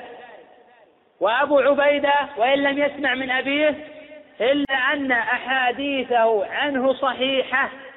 تلقاها عن أهل بيته الثقات تلقاها عن أهل بيته الثقات العارفين بحديث أبيه وعزى هذا ابن رجب إلى علي بن المديني وغيره وقد فقد أبو عبيدة ليلة دجيل سنة إحدى أو اثنتين وثمانين عن عبد الله أي عن أبي عبد الله بن مسعود بن غافل بن حبيب الهدى الإمام الحبر المفسر الفقيه كان من السابقين الأولين وقد هاجر الهجرتين قال عروة بن الزبير أول من جار بالقرآن بمكة بعد رسول الله صلى الله عليه وسلم عبد الله بن مسعود رواه ابن إسحاق وعنه ابن هشام في سيرته وكان من أعلم الناس بالقرآن وبمعانيه وقد جاء في الصحيحين وغيرهما من طريق ابي الضحى عن مسروق عن عبد الله انه قال لو اعلم احدا اعلم مني بكتاب الله تبلغه الابل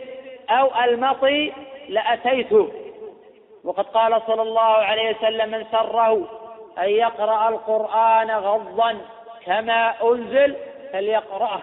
على قراءه ابن ام عبد وفي رواية فليسمعه من ابن مسعود رواه الإمام أحمد وغيره وإسناده صحيح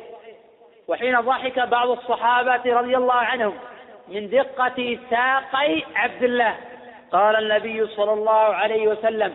لهما أثقل في الميزان عند الله يوم القيامة من جبل أحد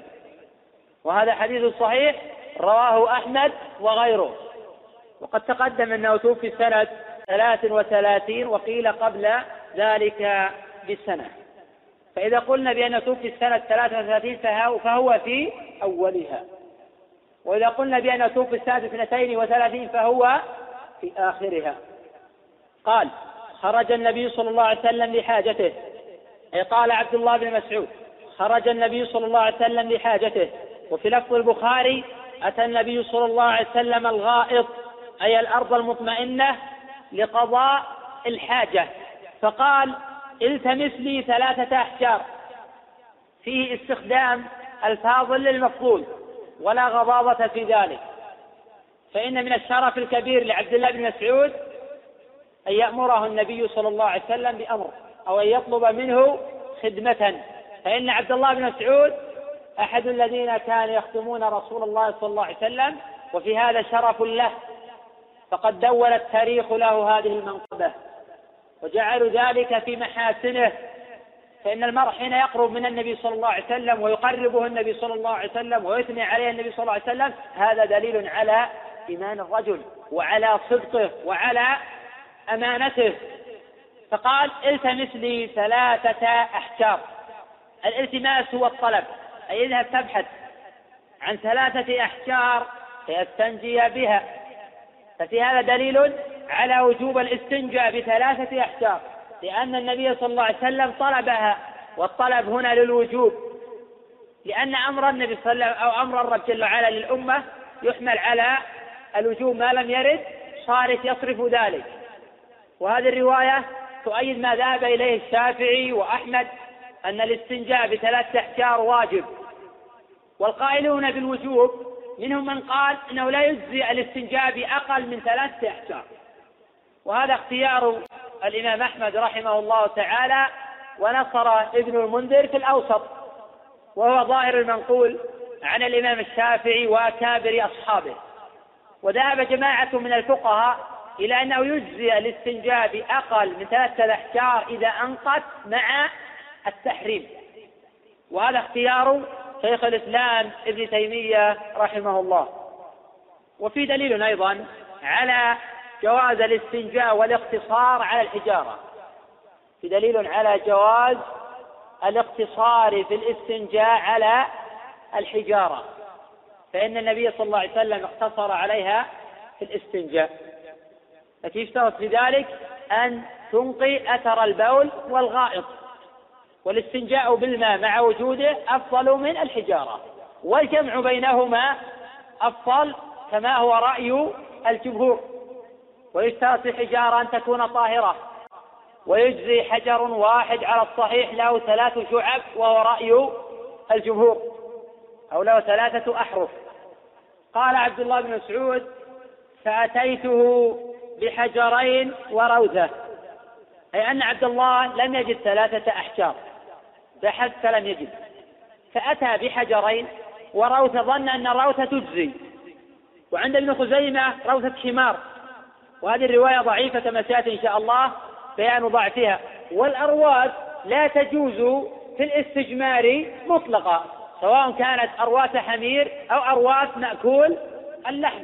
قوله فأخذ الحجرين وألقى الروثة أي أخذ النبي صلى الله عليه وسلم الحجرين وألقى الرأوثة لأنه لا يصح الاستنجاء بها ولو استنجى بها هل يجزي أو ما يجزي قولان للعلماء رجح الشيخ الإسلام رحمه تعالى أنه يجزي مع الإثم ولكن النبي صلى الله عليه وسلم ألقاها وفي رواية معمر ائتني بحجر وهذه الرواية شاذة وفيها انقطاع أيضا بين علقمة بين لأن حديث جاء من رواية معمر عن أبي إسحاق عن علقمة عن عبد الله وفي انقطاع بين أبي إسحاق وعلقمة فإن أبا إسحاق السبيعي لم يسمع من علقمة بن قيس شيئا وقد أثبت له رؤيا بعض المحدثين وقد احتج بأخذ النبي صلى الله عليه وسلم للحجرين أبو حنيفة ومالك على الاجتزاء بهما وفي هذا نظر من وجوه الوجه الأول هذا كله على فرض تصحيح الحديث الوجه الأول أن النبي صلى الله عليه وسلم حين أخذ الحجرين يحتمل أن يكون أحد الحجرين له طرفان فيكون الاستنجاء حينئذ بثلاثة أحجار الوجه الثاني يحتمل أن النبي صلى الله عليه وسلم وجد ثالثة وهذا الاحتمال موجود وإذا وجد الاحتمال القوي سقط الاستدلال بالحديث الاحتمال الثالث يحتمل أن عبد الله أتاه بحجر ثالث ولا سيما على قول من صحح الزيادة فإن الدار قطني في العلل يقول زيادة حسنة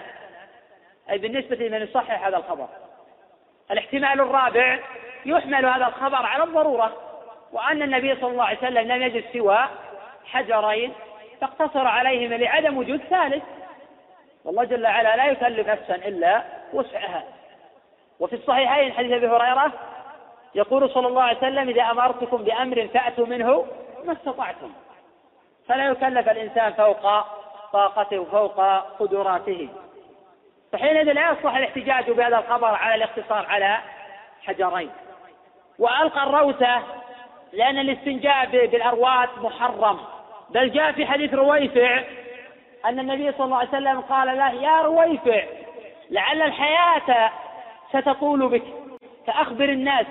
أن من عقد لحيته أو تقلد وتر أو استنجى برجيع دابة أو عظم فإن محمدا بريء منه فظاهر هذا الحديث أن الاستنجاء بالأرواس من الكبائر لأن حد الكبيرة قيل ما ختم بغضب أو لعنة أو وعيد شديد وهذا قول علي بن طلحة وجماعة وقيل أن حد الكبيرة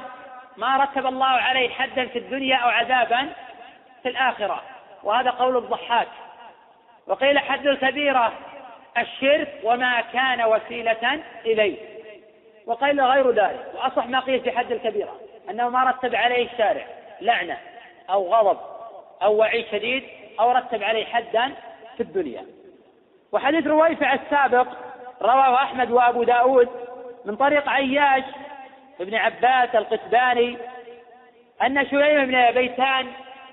أخبر أن سمع شيبان القسباني أنه سمع رويفع وهذا إسناد صحيح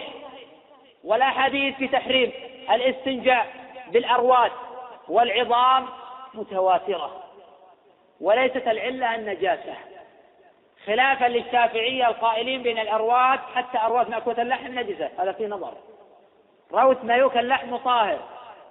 لأن النبي صلى الله عليه وسلم أمر العرانيين أن يشربوا من أبوال الإبل والأرواد بمنزلة الأبوال وهو الأصل حتى يثبت دليل وهو مذهب أحمد وهو اختيار الشيخين ابن تيمية وابن القيم إذا العلة هي أنهما طعام إخواننا من الجن ولو صحت رواية ابن خزيمة روتة حمار لكانت دليلا على نجاسة الرواة الحمير وقد احتج بهذا ابن خزيمة وجماعة على نجاسة الرواة ما لا يؤكل لحمها وهذا احتجاج قوي حين تصح اللفظة غير أن هذه اللفظة في صحتها نظر والحديث فيه اضطراب قوله وقال إنها ركس الركس المراد به هنا النجس أي لا يصح الاستنجاء بالنجاسات وهذا رأي الجمهور وفي قول لأبي حنيفة أنه يصح الاستنجاء بالروث قال أبو عيسى رحمه الله تعالى وهكذا روى قيس بن الربيع هذا الحديث عن أبي إسحاق أي هذه متابعة لإسرائيل فلم يتفرد به إسرائيل تابعه قيس بن الربيع فرواه عن أبي إسحاق عن أبي عبيدة عن عبد الله وقيس بن الربيع وثقه شعبة والثوري وجماعة ولينه آخرون وتكلم فيه الإمام أحمد بسبب أحاديث منكرة رواها وقال عنه الإمام النسائي متروك الحديث قيس بن الربيع سيء الحفظ ولكن لا بأس به في المتابعات ما لم يخالف قال أبو عيسى وروى معمر وعمار بن رزيق بضم الراء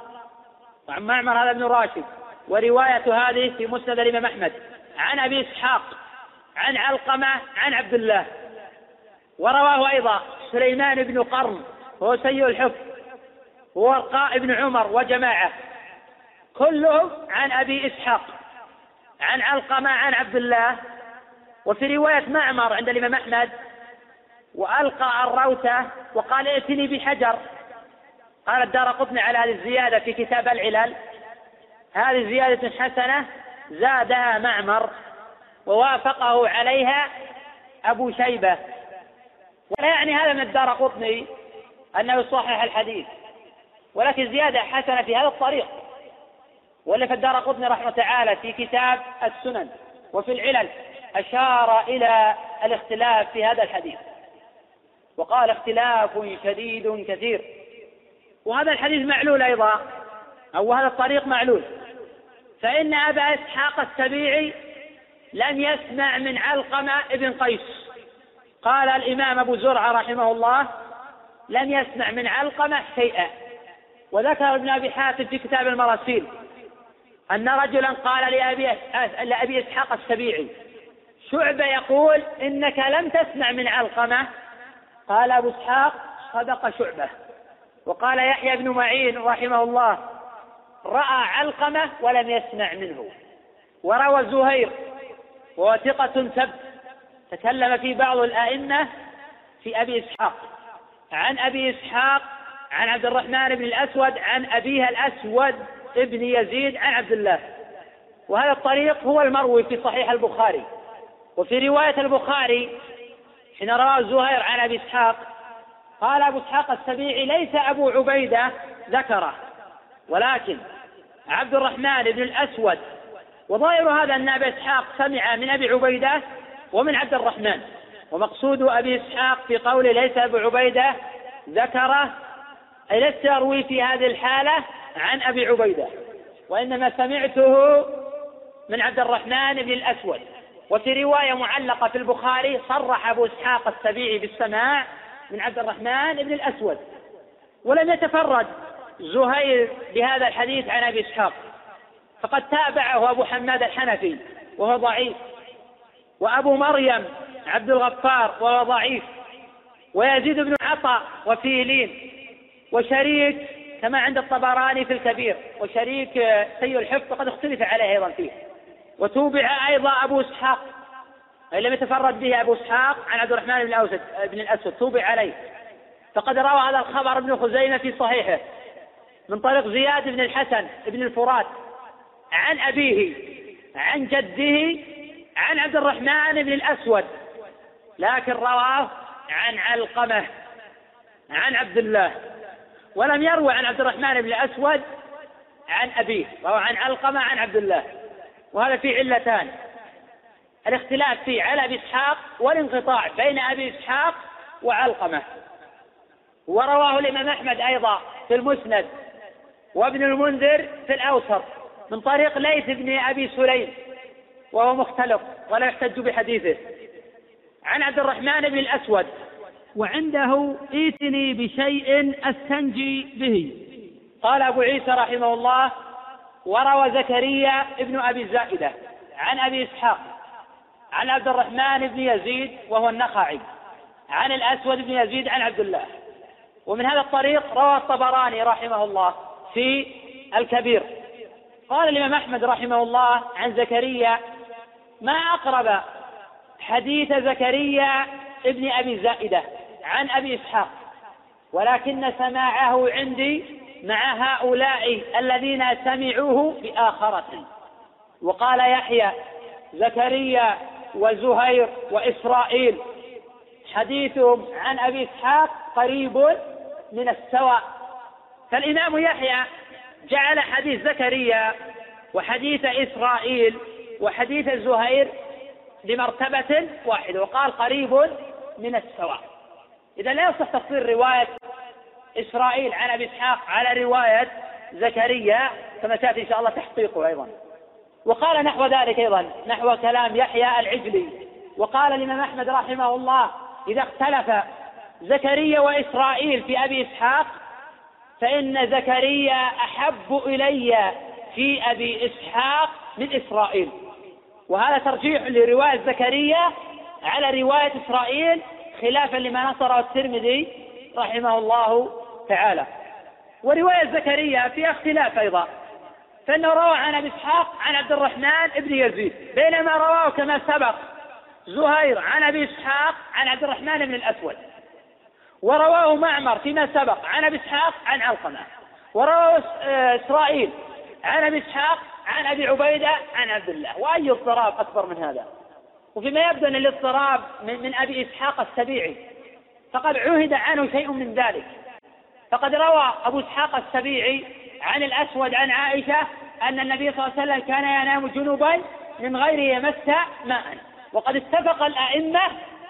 على ضعف هذا الخبر وإعلاله بأبي إسحاق فقد أعله البخاري والإمام أحمد ومسلم وأبو داود والترمذي والدار قطني وأبو زرعة وأبو حاتم ونقل الإمام ابن عبد الهادي عنه وعن غيره ونقل الإمام ابن رجب في المجلد الأول من فتح الباري الإجماع والاتفاق على ضعف هذا الخبر وعلى إعلاله بالاضطراب إذا لا غرابة في وجود الاضطراب من أبي إسحاق السبيعي رحمه الله وهذا هو الذي قاله أبو عيسى الترمذي قال أبو عيسى وهذا حديث فيه اضطراب أي أن أبا عيسى الترمذي ضعف الحديث مطلقا وإن كان يرجح رواية إسرائيل عن أبي إسحاق على رواية زهير عن أبي إسحاق فلا يعني إذا رجح طريق على طريق أن الحديث صحيح فقد ترجح طريقا على طريق وكلا الطريقين ضعيفان ليس بحجة وقد وافق أبا عيسى على إعلانه بالاضطراب جمع من أهل العلم ومن أحسن من استقصى في جمع طرق هذا الحديث وبيان الاضطراب فيه هو الإمام الدار قطني رحمه الله في كتاب العلل فقد جمع فأوعى فرحمه الله تعالى وبعض الأئمة لم يقضي في هذا الحديث بشيء كما قال أبو عيسى رحمه الله سألت عبد الله بن عبد الرحمن الدارمي المولود سنة 81 و100 المتوفى سنة خمس وخمسين ومئتين قال أبو حاتم إمام زمانه قال أبو عيسى سألت الدائر من أي الرواية في هذا عن أبي إسحاق أصح فلم يقضي فيه بشيء مع أنه لو رجع إحدى الروايات على الأخرى لا يعني صحة الحديث قال أبو عيسى رحمه الله حددنا محمد بن بشار قال حددنا محمد بن جعفر قال حددنا شعبة عن عمرو بن مرة قال سألت أبا عبيدة بن عبد الله هل تذكر من عبد الله شيئا قال لا أراد يوضح الانقطاع وهذا لا إشكال فيه وهذا قول ابن معين وشعبة وأبي زرعة وأبي حاتم وآخرين من أكابر أهل العلم قال أبو عيسى وسألت محمدا عن هذا أي سألت محمد بن إسماعيل البخاري رحمه الله عن هذا فلم يقض فيه بشيء وكأنه رأى حديث زهير عن أبي إسحاق عن عبد الرحمن بن الأسود عن أبي عن عبد الله أشبه ووضعه في كتاب الجامع وإيراد البخاري لهذا الحديث في كتاب الجامع دليل على أنه يرى صحة طريق زهير وصحة الحديث في الجملة وهذا الخبر على فرض ترجيح أحد الطرق على الأخرى الحقيقة أنه لا يرقى لمرتبة الصحيح مهما كان الأمر يعني لو رجحنا إحدى الطرق على الروايات الأخرى لا يرقى إلى مرتبة الصحيح مهما كان الأمر ناهيك أن الخبر جملة مضطرب ولا يصلح بأي وجه من الوجوه ويبعد جدا تصحيح مثل هذا الخبر الذي اختلف فيه الناس على أبي إسحاق اختلافا كبيرا واضطرب فيه أبو إسحاق فتارة يروي عن علقمة وتارة يروي عن عبد الرحمن بن الأسود وتارة يرويه عن غيرهما قال أبو عيسى وأصح شيء في هذا عندي حديث إسرائيل أي طريق إسرائيل الذي روى عن أبي إسحاق عن أبي عبيدة وأصح شيء في هذا الباب عند أبي عيسى وذلك لأمرين الأمر الأول أن إسرائيل قد توبع في الخبر الأمر الثاني أن إسرائيل أثبت وأحفظ لحديث أبي إسحاق من هؤلاء وفي قول أبي عيسى نظر رحمه الله فإن طريق إسرائيل ليس هو أصح شيء في الباب وليس بأوثق من كل من رواه عن أبي إسحاق فقد قال الإمام أبو حاتم رحمه الله زهير أحب إلينا من إسرائيل وهذا ظاهر صنيع البخاري حين قدم رواية زهير على رواية إسرائيل قد يقول قائل لعل البخاري رجح رواية زهير لوجود الانقطاع بين أبي عبيدة وبين أبيه نقول هذا محتمل غير أن بينا فيما سبق أن رواية أبي عبيدة عن أبي مقبولة وهو قول علي بن مدين شيخ البخاري فيحسب أن البخاري تفادى هذه العلة التي قد تؤثر على مرتبة الصحيح وانت تقول أن علة الاضطراب على الحديث أكبر من علة الانقطاع بين أبي عبيدة وبين أبيه وقد تقدم أيضا قول الإمام أحمد في رواية ابن صالح في الحديث عن إسرائيل عن أبي إسحاق قال الإمام أحمد رحمه الله إسرائيل عن أبي إسحاق في لين وقال روى عنه بآخرة فأعله رحمه الله أو لينه في أبي إسحاق فلا يعني توثيق إسرائيل في أبي إسحاق قال أبو عيسى رحمه الله وسمعت أبا موسى محمد بن المثنى يقول سمعت عبد الرحمن بن مهدي يقول ما فاتني الذي فاتني من حديث سفيان الثوري عن اسحاق الا لما اتكلت فيه على اسرائيل لانه كان ياتي به اتى كان يريد بذلك رحمه الله تعالى تقويه روايه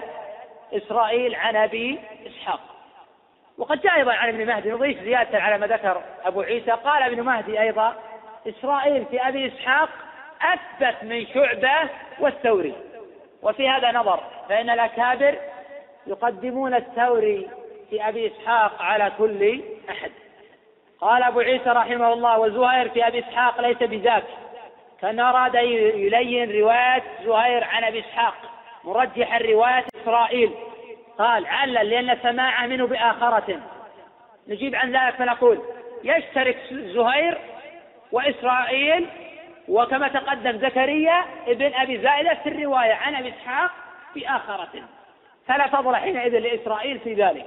كما تقدم في كلام أبي حاتم وأحمد وجماعة وقد قال الإمام أحمد أيضا رحمه الله في زهير قال فيما روى عن المشايخ سبت بخن بخن وفي حديثه عن أبي إسحاق لين سمع منه بآخرة وقال أبو زرعة ثقة إلا أنه سمع من أبي إسحاق بعد الاختلاط وقد تقدم أنه من سمع بعد الاختلاط لا يعني تضعيف مرويته لكنها أقل رتبة من غيرها وحين قيل ليحيى بن معين زهير وإسرائيل أيهما أثبت في أبي إسحاق قيل زهير وإسرائيل أيهما أثبت في أبي إسحاق قال كلاهما قريب ولأبي داود رأي آخر في الحديث عن زهير في أبي إسحاق فقد ذكر الأجري رحمه الله تعالى في مسائله لأبي داود فسألت أبا داود عن زهير وإسرائيل في أبي إسحاق فقال زهير فوق أبي إسحاق بكثير كثير فهذا يؤكد أنه لا يمكن ترجيح رواية إسرائيل على رواية زهير مطلقا ونعلم حينئذ بعد نظر البخاري حين رجح رواية زهير على رواية إسرائيل وأن زهيرا بما أنه أوثق في الجملة عن إسرائيل وهذا لا إشكال فيه فهو أقوى رواية أيضا عن أبي إسحاق في شهادة أبي داود حين قال زهير فوق إسرائيل في أبي إسحاق بكثير كثير وقد تقدم أيضا قول أبي حاتم زهير أحب إلينا من إسرائيل في كل شيء إلا في حديث أبي إسحاق وذكر أيضا الترمذي رحمه الله تعالى هنا عن أحمد بن الحسن الترمذي أيضا وهو ثقة ومن تلاميذ الإمام أحمد قال سمعت أحمد يقول إذا سمعت الحديث عن زائدة والزهير فلا تبالي ألا تسمع من غيرهما إلا حديث أبي إسحاق ولكن هذا أيضا لا يعني تضعيف رواية زهير عن أبي إسحاق ولكن روايته ليست بأقوى من غيره باعتبار أنه سمع بآخرة قال أبو عيسى رحمه الله تعالى وأبو إسحاق اسمه عمرو بن عبد الله السبيع الهمداني تقدم الحديث عنه وأبو عبيدة بن عبد الله بن مسعود لم يسمع من أبيه ولا يعرف اسمه وقد تقدم أن هذا ليس كافيا في تضعيف مروياته عن أبي عبيدة فقد قال علي بن المدين وغيره أبو عبيدة لم يسمع من أبيه لكن رواياته عنه صحيحة فقد تلقاها عن آل بيته الثقات المعروفين والله أعلم خلاصة البحث الحديث فيه اضطراب والاختلاف فيه على إسحاق كثير كثير يمتنع معه تقوية الحديث وعلى فرض تقويته فمثل هذا الخبر لا يرقى إلى مرتبة صحيح البخاري وحينئذ لا يصلح هذا الحديث حجة لمالك وأبي حنيفة في الاجتزاء بحجرين دون الثالث على أنه تقدم توجيهه على فرض صحته الأمر الثاني أن رواية زهير عن أبي إسحاق عن عبد الرحمن بن الأسود عن أبي عن عبد الله أصح الروايات وهي اصح من رواية إسرائيل فإن زهيرا كما قال أبو داود فوق إسرائيل بكثير كثير حتى في أبي إسحاق وإن كانت رواية أبي إسحاق إسرائيل عن أبي إسحاق قوية الأمر الثالث أنه يجب الاستنجاء بثلاثة أحجار الأمر الرابع في خدمة المفضول للفاضل ولا غضاضة في ذلك الأمر الرابع في تحريم الاستنجاء بالأرواث مطلقة الأمر الرابع في أن الروثة نجسة ولكن في رواية ابن خزيمة بأنها روثة حمار وأرواث ما يؤكل لحمه طاهرة أرواثها وأبوالها وروث ما لا يؤكل لحمه فيه خلاف قوي بين أهل العلم تقدم الإشارة إلى شيء من ذلك ومما استفاده من الحديث عن الأمور السابقة أن مرويات أبي عبيدة عن أبي مقبولة وإن قلنا بأنها منقطعة أن مرويات أبي عبيدة عن أبي مقبولة وإن كانت منقطعة فلا يصح علال خبر بمجرد الانقطاع وما استفاد مما سبق أن أبا إسحاق السبيعي لم يسمع من علقمة بن قيس شيئا الله أعلم تفضل هل يلزم شيخ في استعلال إذا أحل الحديث بالاختلاء والاضطراب هل يلزم هذا العلاج ضعف الخبر إذا كان أين مدار الإسناد على الثقه؟ لكن الثقة هذا ما ضبطه تارة يروي عن أبي عبيدة تارة يروي عن علقمة وتارة يروي عن الأسود تارة يروي عن ابن يزيد هذا الثقة اضطرب في الحديث فحين اضطرب هذا دليل أنه ما حفظه فلا يمكن أن نصحح الحديث ونحن نعلم أنه ما ضبط ومن أسباب الطعن في الحديث عدم الضبط وإن كان الراوي ثقة فأبو إسحاق وإن كان ثقة فحين اختلف في هذا الحديث ولم يضبط كان إعلاله متوجها كما قال أبو عيسى فحينها علل في الاضطراب يعني أنه مضطرب ولا يصح الاحتجاج به البخاري ما علل نعم قلت الخبر البخاري واحد اي عن الحديث الاخر حديث ابي اسحاق عن الاسد عن عائشه كان الرسول صلى الله عليه وسلم جنبا وغير مس ماء كنت اتحدث عن الحديث الاخر ما كنت اتحدث عن الحديث ففي خلط في النقل أي الإجماع أي نعم هذا في حديث أبي إسحاق عن الأسود عن عائشة كان الرسول صلى الله عليه وسلم في حديث أبي إسحاق عن الأسود عن عائشة كان الرسول صلى الله عليه وسلم ينام جنبا من غير ما استمع هذا هو الاتفاق المتفق على ضعفه وهذا واضح من كلام السابق الإعلان بالاضطراب إذا كان الراوي جميع الذين اضطرب فيهم ثقات لا يقبل الخبر لا ما يمكن لأنه اختلف عليه ثم ليس على اطلاق أنه انتقاد في انقطاع بين أبي إسحاق وبين علقمة ثم أنه دليل أنه ما ضبط كيف تقول عن الأسود تقول عن فلان ذلك ما حفظ كما لو جاءك رجل تعلم أنه ما رواه إلا عن راوي واحد ثم يختلف عليه تلقى والله سمعت من فلان ثم تحقق معي يقول لا والله سمعت من فلان ثم تأخذ لا والله سمعت من فلان لأنه ما ضبط إذا الخبر كله ضعيف فالاضطراب علة في الحديث ولا في مثل هذا الاختلاف الكثير يكون شك في أيام لا لا هي طريقة الفقهاء ليست طريقة المحدثين نعم إذا فكان يقول ما دام لم يضبط علي هؤلاء فقد يكون من غيرهم ما يكون ضعيف نعم إذا تكون خلاصة ما دام اضطرب فيه عن ثقة انه قد يكون سمعه من غير ثقه ونسمه ايضا فنرده فترك المحدثين هذا وارد هذا والدليل على هذا انه صرف فيه حتى على من تابعه كاليزيد ابي سليم وجماعه فهم يضطربون فيه انا قلت بما ان الخبر ضعيف فابن سعيد حين اتى بالروثه وهو أحد الرواة النهي عن الاستنجاء بالأرواس وأنها زادوا إخواننا من الجن بما أنه ضعيف نسلم الخبر اللي وارد في صحيح المسلم لو أننا صححنا الروايتين لقلنا على أحد احتمالين إما أن ابن مسعود نسي أو نقول بأنه أتى بالروثة قبل أن يروي ويسمع من النبي صلى الله عليه وسلم النهي عن الاستنجاء بالارواح ولكن ربما يكون أيضا الحزب الآخر مدعما للإعلال مدعما للإعلال المتن هذا غير بعيد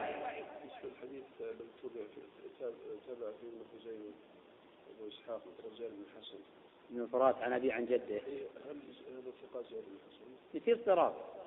هو في اضطراب وصحح ابن خزيمه صححه ابن خزيمه صحيح ولكن اختلف عليه فيه وروى ايضا الطبراني في المعجم الكبير الحديث اضطراب آه، في رواية رجس عند ابن ماجه وغيره هذه الرواية دليل على أن المراد النجاسة وعلى رواية ابن خزيمة المروية من طريق علقمة وفيه انقطاع وفاتت بروثة حمار هذا دليل أن المراد النجاسة هنا والتأكيد النجاسة هذه القرائح كفت روثة حمار ورجس ورجس هذا دليل أنها نجسة فحين جمعنا هذه القرائن حكمنا عليها بالنجاسة ولا فلا في فليس في دليل على قول الشافعي بأن الأرواد كلها نجسة هذا غير صحيح لكن باعتبار أنه غير مأكول اللحم وباعتبار الثمار وباعتبار رجس ورجس احتفت هذه القرائن على الحكم بالنجاسة ولما ليست القرينة وحدها رجس أنها نجسة لكن باحتفاظ القرائن الأخرى رواية ابن ماجه وغيره رجس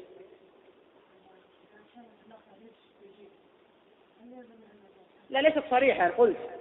أنا قلت أن لفظة ركس ولفظة رجس بمفردهما ليستا صريحتين في الحكم على شيء بالنجاسة لأن الله جل وعلا قال فإن رجس اجتنبوه ولا يدل على ذلك النجاسة الحسية وإنما احتفاف وجود أيضا روثة حمار ففي بعض القرائن تفيد النجاسة وفي بعض العلماء يرى أن روثة الحمير طاهرة وليست بنجسة باعتبار أو باعتبارات كثيرة الاعتبار الأول أن حديث الباب في كلام الاعتبار الثاني أن حديث الباب على فرض صحته ليس صريحا في الحكم على رأس الحمار بأنه نجسة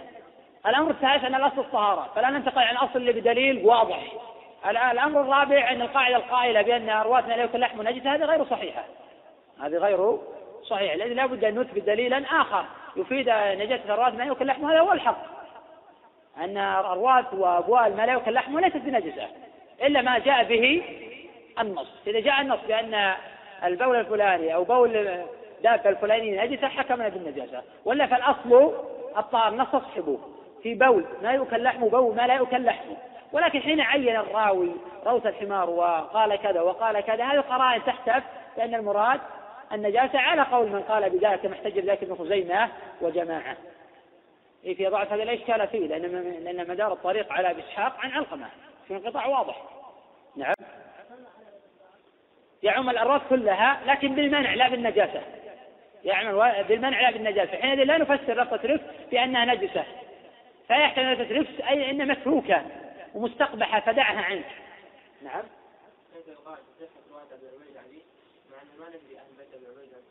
لا كلهم ثقات حكم علي المديني بأنهم معروفون قد تقدم قول علي المديني بأنهم معروفون وكما نصر ذلك ابن رجب وجماعة نعم نعم هكذا وجدت ضبطها فقد قرأت كلام الشيخ أحمد شاكر رحمه الله تعالى حين ضبط الكلمة بآخرة ذلك على قول أبي عيسى وزهير في أبي إسحاق ليس بذاك لأن سماعه منه بآخرة وعلق على هذه الجملة الشيخ أحمد شاكر في جامع أبي عيسى قال هكذا الرواية والضبط الصحيح ثم نقل عن الشارح في آخر عمره بينما رجعت قبل لذلك إلى كتب أهل اللغة ووجدت في ترتيب القاموس المحيط أنه قال وجاء آخرة وبآخرة